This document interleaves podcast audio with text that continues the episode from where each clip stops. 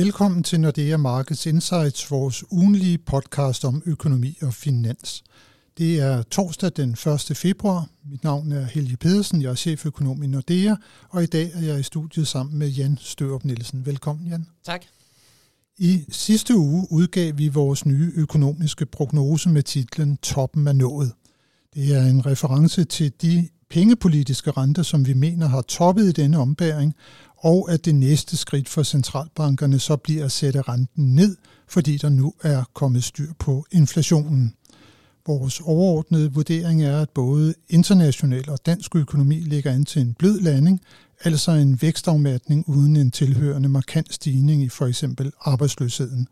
Og det er det, som vi skal snakke meget mere om i denne uges podcast. Men Inden vi vender blikket mod øh, dansk økonomi, Jan, så kan vi jo lige nævne, at der var et interessant rentemøde i går i den amerikanske forbundsbank Fed. På mødet valgte Fed, som ventede ikke at ændre på renten, men var der noget i retorikken fra Jerome Powell, som kunne påvirke markederne, Jan? Ja, der var en lille smule. Øhm, han blev spurgt på, på pressekonferencen efterfølgende, om han synes, at... Øh eller han mener, at der var en sandsynlighed for, at de ville sætte renten ned på mødet i marts. Det var det, markedet hele tiden har priset, øh, og det er sådan set også vores forventninger. Der var han noget tøvende. Han øh, sagde, Øh, ikke fuldstændig direkte, men han sagde, at han synes ikke, at marts var den mest oplagte måned at sætte renten ned, og der, dermed indikerede han, at der måske kommer til at gå en smule længere tid, inden at de er klar med rentenedsættelser, end det, som øh, i hvert fald markedet har sat næsen op efter. Og hvordan reagerede markederne så Jamen, på så den udtalelse? Ja, lige præcis, altså ved så at sende renterne op og aktierne ned, øh, og så, altså, men det var ikke nogen voldsom bevægelse, også fordi, altså, sådan i, i, i det store billede betyder det måske ikke så meget, om rentenedsættelsen kommer i marts eller april. Det er mere vigtigt det her med, at, at den rent faktisk kommer. Og det lader han fortsat op til? Ja, ja, fuldstændig. Altså, der er ikke, øh, der er ikke skyggen af tvivl om hos dem, at de skal til at sætte renten ned. De skal bare lige finde det hele øh, optimale tidspunkt, og det er formentlig en smule senere end marts, i hvert fald det er det, han lægger op til. Så det var sådan øh, hovedbudskabet fra den amerikanske forbundsbank Fed i går. Men Jan, vi skal jo i dag primært snakke om dansk økonomi. I vores nye Economic Outlook, der er titlen på artiklen om dansk økonomi vækstpause. Hvad skal vi sådan mere præcis lægge i den titel? Jamen, det er et udtryk for, at, at der er en opbremsning i dansk økonomi. Vi har været igennem nogle år, hvor det er gået meget, meget stærkt fremad øh, i dansk økonomi. Men vi må også erkende, at når vi har kigget igennem her 2023, jamen, så har vi haft nogle kvartaler, hvor, hvor det ikke er gået frem, men faktisk er gået, gået tilbage. Og den her berømte tekniske recession, som vi, øh, som vi ramt ind i. Øh, så det er et udtryk for, at, at vi er i gang med at bremse op. Det går ikke lige, helt lige så hurtigt fremad, som det tidligere er gået. Men vi understreger jo også meget tydeligt i artiklen, at det er også gået meget stærkt, og dybest set er det måske måske sådan på lidt længere sigt faktisk meget sundt, at dansk økonomi øh, lige tager sig en, øh, en pause efter nogle år, hvor det, hvor det virkelig er gået stærkt fremad. Hvis vi nu skal forsøge på at sætte tal på sådan en pause, Jan, hvor ligger vi så henne øh, rent sådan vækstmæssigt? Jamen altså, vi ligger, hvis vi øh, bare tager sådan for årsgennemsnittet, som man jo plejer, så, så siger vi, at i år, der kommer vi til at, at have en positiv vækst på 1%. Øh, så det er noget lavere end de foregående år, men det er jo stadigvæk ikke nogen katastrofeopbremsning, slet slet ikke. Øh, men vi siger nok også, at væksten bliver noget skævt fordelt i løbet af året, øh, hvor vi måske starter lidt svagt ud øh, her de første øh, kvartal eller to, jamen, så tror vi, at vi kommer stærkere igen hen mod slutningen af året. Så det bliver også et år, hvor vi, hvor vi kommer til at mærke, at tingene går fremad, og hvor anden halvår formentlig bliver stærkere end første halvår. Ja, fordi vi er jo, øh, Jan, i det der, man kalder for en teknisk recession mm. lige nu. Ikke? Altså BNP faldt i andet kvartal og tredje kvartal. Vi har ikke fået øh, fjerde kvartalstal endnu.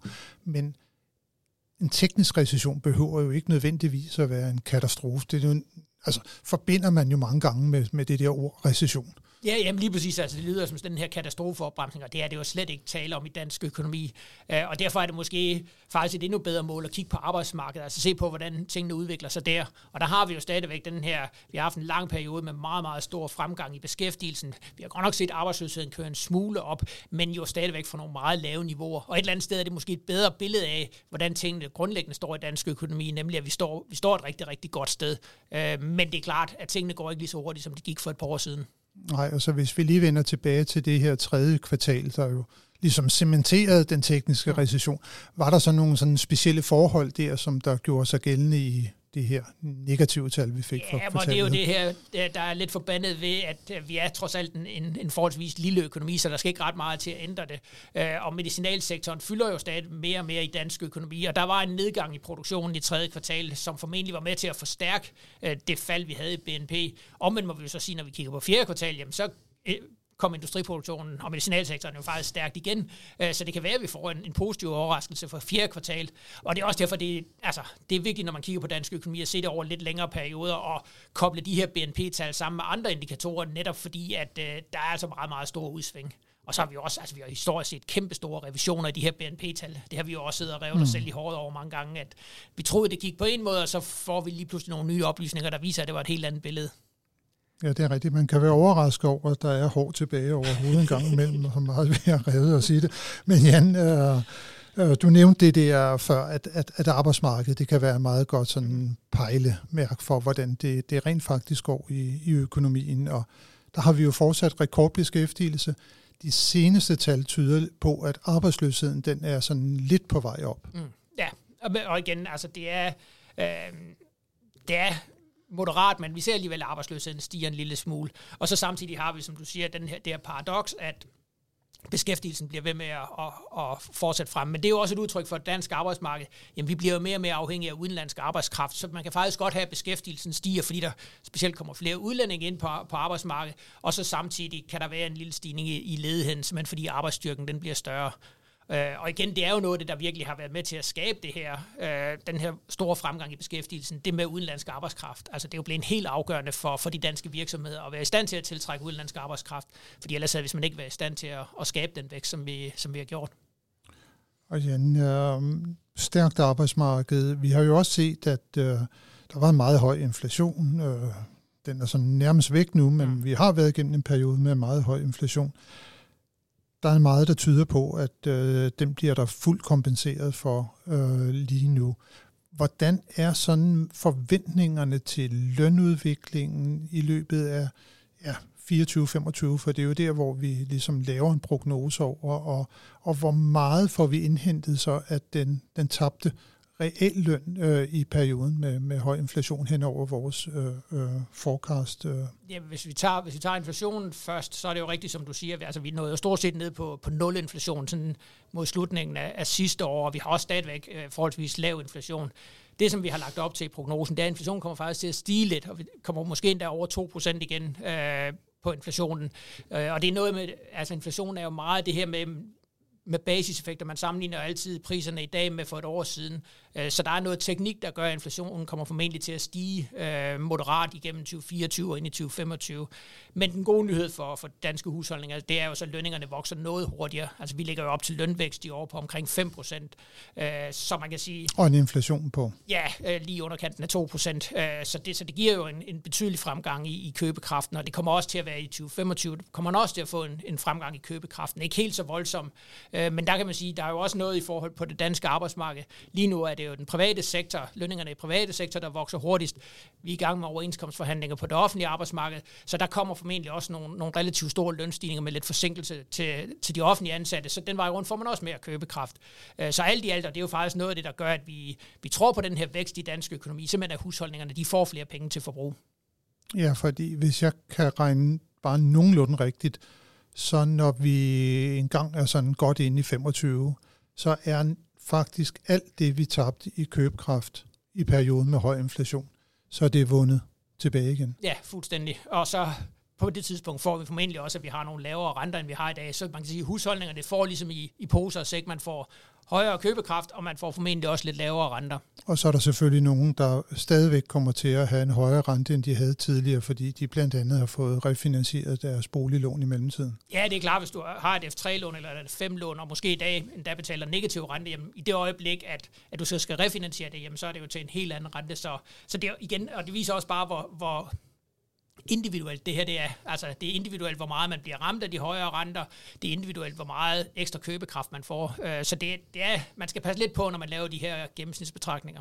Men ikke desto mindre, Jan, så kombinationen af sådan et forholdsvis øh, stærkt øh, arbejdsmarked, fremgang i reallønnen og en rente, der måske har toppet, eller det regner vi jo med, den har. øh, det skulle altså give belæg for, at vi kan se en fremgang også i det private forbrug, uh, måske allerede i år. Ja, det, det tror jeg helt bestemt. Jeg tror, vi vil se en acceleration i, uh, i det private forbrug. Vi så det jo, eller vi har faktisk allerede set det lidt i detaljtalstallene, som er kommet, kommet stærkt igen. Så, så jo, der er bestemt belæg for at sige, at, at privatforbruget kommer til at vokse. Og hvad med forbrugertilliden? Jamen, den er også... Altså, den, hvis, bank, hvis man kigger på niveauet i forbrugertilliden, er det ikke noget at råbe hurra for. Der er de danske husholdninger stadigvæk sådan noget bekymret for, for deres egen økonomiske situation, for landet generelt. Øh, men det er trods alt blevet bedre, end det var øh, tidligere. Så man kan sige, der er en fremgang i forbrugertilliden, men niveauet er stadigvæk øh, forholdsvis lavt. Det er forholdsvis lavt, så der måske også lige der, der skal sådan lidt, lidt mere til, før det er, at vi sådan rigtig kan vente, at det er, at øh, privatforbruget det, det tager af. Ja, man skal formentlig, altså det her med, at man kan se øh, på ens lønseddel, at, at lønningerne vokser. Man kan mærke ud i butikkerne, at priserne ikke stiger så hurtigt, som de har gjort. Og man måske også kunne se det her, den her effekt af, af lidt lavere renter. Så, øh, så det er nok den her kombination. Øh, og så tror jeg også, at de danske husholdninger bliver lidt påvirket af alt, alt det, der sker på den internationale front. Altså det er jo meget den her negative nyhedsstrøm, der, der, der møder en, når man åbner for, for nyhederne. Ikke? Og, og det er klart, det, det kan ikke enten afsmej, afs, eller smidt af, når man så også bliver spurgt om, hvordan, hvordan ser man den økonomiske fremtid. Og så bliver det jo også lidt spændende at se, Jan, fordi vi er jo lige i den her periode, hvor at uh, Stor Bededag er blevet afskaffet, og vi får kompensationen nu. Det er vel 0,45 procent, uh, der lige bliver lagt op i, i lønsedlen her for en, for en enkelt måned. Ja, jeg synes, jeg hørte, at det var et par hundrede kroner for sådan en gennemsnitslønmodtager, man kan, man kan se på ens lønseddel. Men jo, øh, mange begge små. Mange begge små kan være med til at give lidt mere gang i den danske å, yep. som vi plejer at sige. Men, men Jan, øh, sådan det, det, det, det ser meget godt ud. Er der noget andet i dansk økonomi, som vi også ligesom kan, kan hæfte os ved, der fortsat ser godt ud? Så er det måske de offentlige finanser. Mm. Ja, altså de offentlige finanser i Danmark, de er bumstærke. Øh, der har været overskud lang tid på de offentlige budgetter, øh, og Altså det har vi jo haft øh, også tidligere, men specielt synes jeg, når man så kigger i en international sammenhæng, så er det bestemt ikke nogen selvfølge, at man har så stærke offentlige finanser. Man har meget lav gæld, øh, offentlig gæld i Danmark. Øh, så næsten uanset, hvor man, hvor man kigger hen øh, i forhold til sådan den offentlige økonomi, altså, så står vi virkelig, virkelig stærkt. Og det er jo så også noget, der giver sig udslag. Vi har en meget lav offentlig sektor gæld. Vi har en meget lav gæld i den offentlige sektor, og det er et eller andet sted, at en af effekterne er jo også, at vi har et meget lavt rentespænd til Tyskland. Altså det er jo det, nogle af de andre lande er bekymret for, det her med, at vi måler jo altid vores rente op imod, øh, op imod de tyske renter. Og der er det klart, at hvis der opstår uro på de finansielle markeder, jamen så, så kan den her renteforskel blive større for mange lande. Og altså der, der står vi bare rigtig stærkt, fordi at når udlændinge kigger på, på dansk økonomi, kigger på danske offentlige finanser, jamen så ser det rigtig, rigtig stærkt ud. Og derfor er der ikke ret stor renteforskel mellem Danmark og Tyskland den der renteforskel, øh, som der er, det kan jo også afhænge lidt af den likviditet, der er i obligationsmarkedet. Og de her flotte offentlige finanser, Jan, det gør vel også, at øh, udstedelsesbehovet for, for den danske stat, at det, det er sådan relativt begrænset i forhold til mange andre lande. Ja, det må vi sige. Dybest set er der ikke ret meget behov for for at blive ved med at sælge danske statsobligationer fra Nationalbankens side, simpelthen fordi man har ikke, dybest set har man ikke brug for pengene. Øh, men man vælger jo at gøre det alligevel, fordi man har brug for at, at holde den her likviditet, som du snakker om på, på markedet for statsobligationer. Så man har sådan et løbende salg af danske statsobligationer, men det er mere for ligesom at holde investorerne til ilden, sørge for, at der hele tiden sker noget på markedet, end det er sådan et reelt finansieringsbehov. Og igen, altså jeg synes, det, det er interessant at så vende blikket mod udlandet, fordi der er det jo en helt anden, helt anden diskussion, man har. Der er man bekymret for, om der overhovedet er købere til de obligationer, man skal sælge. Det er slet, slet ikke et problem i Danmark. Der er det mere et spørgsmål om at holde markedet i gang, hvis nu der på et eller andet tidspunkt skulle opstå et finansieringsbehov igen. Og det andet sted, hvor vi ikke har et stort finansieringsbehov, det er i forbindelse med vores øh, udenrigshandel øh, og aktivitet der. Kæmpe overskud også på, de, øh, på vores betalingsbalance. Ja, det er derfor, det bliver, det bliver hurtigt sådan lidt en ensidig historie, når vi kigger på dansk økonomi. Vi har det her med, jamen, privatforbruget kommer til at udvikle sig bedre. Der er ingen problemer med de offentlige finanser. Vi har øh, rekordhøjt overskud på betalingsbalancen, så det er virkelig et eller andet sted svært at finde de helt store udfordringer af dansk økonomi. Øh, enten det måske bliver en, en smule kedeligt altid at være positiv omkring tingene. Der må jo være et eller andet, der kan komme ind og forstyrre det her nærmest rosenrøde billede. Ja, helt For eksempel den, øh, den internationale situation. Den internationale situation, opbremsning i Tyskland. Øh, nu har vi snakket meget om den her medicinalsektor, men hvis vi kigger på dansk industri uden for medicinalsektoren, så går det faktisk ikke så godt. Mm. Der har vi faktisk set en lavere industriproduktion, øh, hvor de jo blandt andet er ramt af, af den her opbremsning i Tyskland. Så det, det er på den internationale scene, man ligesom skal, hvis man skal finde de ting, der kan overraske os negativt, så er det formentlig øh, på den udenlandske front, og så den vej rundt rammer ind på dansk økonomi. Det er der, hvor ulykkerne kan komme fra. Ja, fordi vi ligger jo også i vores prognose op til en meget svag udvikling i euroområdet her i løbet af 2024, hvor vi jo nærmest ligger op til stagnationen i, igennem store dele af året. Øh, vi har en amerikansk økonomi, der kører rigtig fint. Kina måske lidt på vej op i tempo, men vores største eksportmarkeder, igen, de ligger jo, i hvert fald dem, der er arbejdskrafttunge, de ligger jo i Europa. Jamen lige præcis, og derfor er der bestemt noget afsmitning den vej rundt. Lige nu bliver bare, den her negative effekt, bliver den bare overskygget af alt det andet positive. Men det er klart, igen det her med, det er meget individuelt. Der er nogle virksomheder, der bestemt ikke synes, at det er sjovt for tiden. Hvis man nu for eksempel er underleverandøren til den tyske bilindustri, jamen så, så, er det ikke, så er det ikke gode tider lige nu. Øh, hvorimod for eksempel vores medicinalindustri øh, aldrig har været større og stærkere. Så hvis vi lige vender tilbage til titlen Vækstpause, hvor længe er det, den var? Øh, jamen, den var, øh, jeg tror, øh, altså første halvdel af i år bliver, bliver den svageste del, og når vi så kommer på den anden side af sommer, øh, husholdningerne begynder at omsætte den her stigende købekraft ud i butikkerne, renterne kommer til at falde lidt, øh, tingene går forhåbentlig også en smule hurtigere i øvreområdet, jamen så får vi, så får vi fornyet acceleration i dansk økonomi. Jan, øh, næsten lige før vi gik ind i, i studiet her, så kom der nye tal for udviklingen i inflationen i euroområdet her for januar måned. Den viser, at den kun faldt en lille smule i januar i forhold til december. Den kom faktisk ud på 2,8 procent mod 2,9 procent i december.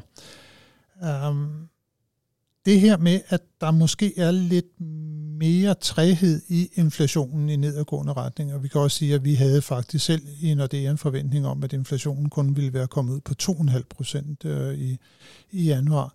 Er det noget, som der kan få en betydning for ECB, og kan det få en betydning også for, for de hjemlige renter? Jamen, det kan det godt, øh, fordi den europæiske centralbank, altså de er jo sat i verden for at få inflationen ned omkring de 2% og holde den der. Og der er det klart, hvis der er noget mere træhed i at få inflationen ned end det, som måske specielt markederne havde regnet med, og også det, som, som de selv havde regnet med, jamen, så går der længere tid, inden de er klar til at, at sætte renten ned. Øh, og tidligere har der været spekulationer eller forventninger i markedet om, at de skulle komme allerede på mødet i marts. Man kan sige, at de forventninger er blevet rykket lidt. Altså, men vi har jo for eksempel først, at de sætter renten ned på mødet i juni, øh, og det er blevet lidt mere sandsynligt, at de bliver nødt til at vente til juni med, med de her inflationstal altså lidt mere sandsynligt, at vores, øh, ja, lige at vores prognose, at vores prognose ja, den ja. går i opfyldelse. Men altså, stadigvæk så er øh, øh, vejen sat imod øh, øh, lavere Ja, det er, bare et spørgsmål, det er bare et spørgsmål om tid. Uh, altså inflationen er på vej ned. Uh, de underliggende inflationstendenser er også, bevæger sig også i den rigtige retning. Så det er sådan set bare et spørgsmål om tid, hvornår centralbankerne er klar til at trykke på uh, den knap, hvor de sætter renten ned. Og det, der måske kan drille lidt der, Jan, der er jo mange, der snakker om sådan lidt risiko i forbindelse med, at uh, transportomkostningerne de er, de er steget på det seneste det er vel fortsat kun et, øh, et risikoscenarie. Det er, det er et risikoscenarie, og noget af det, der gør, at det stadigvæk kun vedbliver med at være et risikoscenarie, fordi altså, vi kan jo se, at fragtpriserne er steget temmelig kraftigt, men så længe energipriserne ikke stiger, jamen, så er det kun et risikoscenarie. Altså vi har jo stadigvæk olieprisen lige omkring de 80 dollar. Den har ikke rykket sig, selvom der har været den her ekstra uro i Mellemøsten. Øh, men det er klart, hvis, hvis også energipriserne begynder at stige, jamen, så begynder det at, at blive noget, som man skal kigge endnu mere ind i, øh, i forhold til inflationen. Ja, vi kan da heldigvis også sige, at øh, hverken naturgasprisen eller elprisen, den øh, på nogen som helst måde har lavet sig rokke af den her udvikling. Nej, og selvom vinteren jo faktisk har været forholdsvis hård, i hvert fald i, i, i visse områder, så er det jo ikke noget, vi kan se på gasprisen, heldigvis. Nej, ikke i Sydspanien. Nej, det er rigtigt. Der har den godt nok været mild. Men, uh, men, men, men, men, men, men altså, hovedscenariet, Jan, det er altså, at inflationen den kommer fortsat til at falde, og så når det er, vi når frem til, uh, til juni måned, så er det, vi kan vente at se også de første rentesænkninger ja, herhjemme. så får vi den første rentenedsættelse fra den europæiske centralbank, og så følger Nationalbanken efter øh, et par timer senere. Og øh, så kan vi jo også lige i den her forbindelse bare lige nævne, at der også i dag har været rentemøder både i øh, Riksbanken, altså den svenske øh, nationalbank, og så i Bank of England, og begge steder der valgte man altså at holde renten uændret, det vil sige fortsat 5,25 procent øh, point i Storbritannien og 4 procent i Sverige. Men øh, som altid øh, her i øh, vores øh, ugenlige podcast, der skal vi også øh, kigge frem mod, hvad der kommer af interessante begivenheder og nøgletal i næste uge. Og der må vi vel sådan set bare konstatere, Jan, at det er sådan en relativ tynd nøgletalsuge, som vi begiver os ind i. Jeg har siddet og kigget lidt efter i, i tallene, og kan se, at der kommer jo godt nok øh, fra Kina PMI-tal tjenestesektoren øh, på, på mandag. Næppe noget, der vil få markedet til at gå helt i svime. Nej, det, det, det tror jeg heller ikke. Det tror du heller ikke, Nej. og så kommer der jo producentpriser også på mandag for euroområdet. Der kan vi måske få en lille hint om, hvad varepriserne de, øh, de vender fremadrettet. Ja, vi må sige, at generelt så tror jeg, at alt det her, der, der bare kan give en lille indikation af, hvor inflationen er på vej hen, det er det, er det vigtigste at holde øje med øh, i de her måneder. Ja, og så er der jo på mandag så også, og det bliver nok det mest øh, interessante dag der, så kommer der også det her amerikanske ISM-tal for servicesektoren, og der kan det jo godt blive lidt, øh, lidt interessant at se, øh, hvad vej som servicesektoren den, den, den vender i USA lige nu, fordi det er jo der, der fortsat er meget godt gang i, i samfundsøkonomien. Ja, vi må jo sige, når vi kigger på de amerikanske nøgletal over en bred kamp, så er det jo stadigvæk imponerende, hvor, hvor høj aktivitet de formår at holde det over. Og specielt den her forskel, der er til Europa. Altså vi har snakket, vi har snakket meget om afmatning i Europa, vækstpause, recession. Altså det er jo slet ikke det, der er billedet i, i USA lige nu. Nej. Og så ellers så er det lige lidt tal, og de plejer ikke at rykke meget på markedet. Der kommer nogle tal fra den tyske øh, industri, både tirsdag og onsdag henholdsvis ordre industriproduktion, og så kommer der faktisk øh, inflationstal fra Norge på fredag, det er den 9. Ja, det er jo altid den 10. de plejer at komme fra Danmark og Norge. Ja. Den 10. det er en lørdag. Derfor så kommer de om fredagen i Norge, mm. men herhjemme, der bliver det først. Der bliver det mandag i, i vinterferien i uge 7. Der bliver det først mandag, ja. Hvad, Jan, hvad, øh, selvom vi er langt derfra endnu, øh, hvad, skal vi, hvad skal vi vente os af, af inflationen der? Jamen, jeg tror, vi, vi, vi skal stadigvæk se den Og det er januar måned, det ja, skal vi lige ja, sige. Lige det er for januar måned. Øhm, ja. Altså, januar er altid ekstra svær, når man laver inflationsprognoser, fordi der er nye vægte, der kommer ind i billedet. Der er også typisk nogle afgifter, der ændrer sig. Vi kan bare se herhjemme, øh, der er for eksempel den her nye elafgift, der er blevet pålagt. Der er også lidt højere afgifter på, på benzinpriser, så det er rigtig svært at gætte på de her januar-inflationstal. Det er typisk den sværeste måned på året. Øh, jeg tror stadigvæk overordnet set vil vi se, at, at der er den her nedadgående bevægelse i inflationen, men det kan godt være, at vi får... Øh, også som vi, vi så med øvreområdet, at, at, at tingene ikke går helt lige så hurtigt nedad, som, som det vi måske havde regnet med. Ej, vi kunne top bundet vel her hjemme i oktober, ja, ja, ikke? og sådan været lidt op. Så vi lidt op, jo, det er rigtigt. November, december, ja. der er det, det, du siger, der vil den måske fortsætte, fortsæt, ja, ja, fortsætte lige, lidt lige op. Præcis. Danmark er jo ty, eller har været noget foran inflationsudviklingen i euroområdet i en, i en periode nu. Så det er altså sådan, nu er vi allerede to uger fremme her omkring Danmark, men altså en, en, en uge, næste uge, uge 6, hvor der kommer relativt få vigtige nøgletal og faktisk ingen rentemøder af betydning overhovedet. Så tak Jan for at være med i dag, og stor tak til alle jer, som har lyttet med. Det håber vi, at I også vil gøre i næste uge, hvor vi igen er tilbage med nyt fra de finansielle markeder. thank you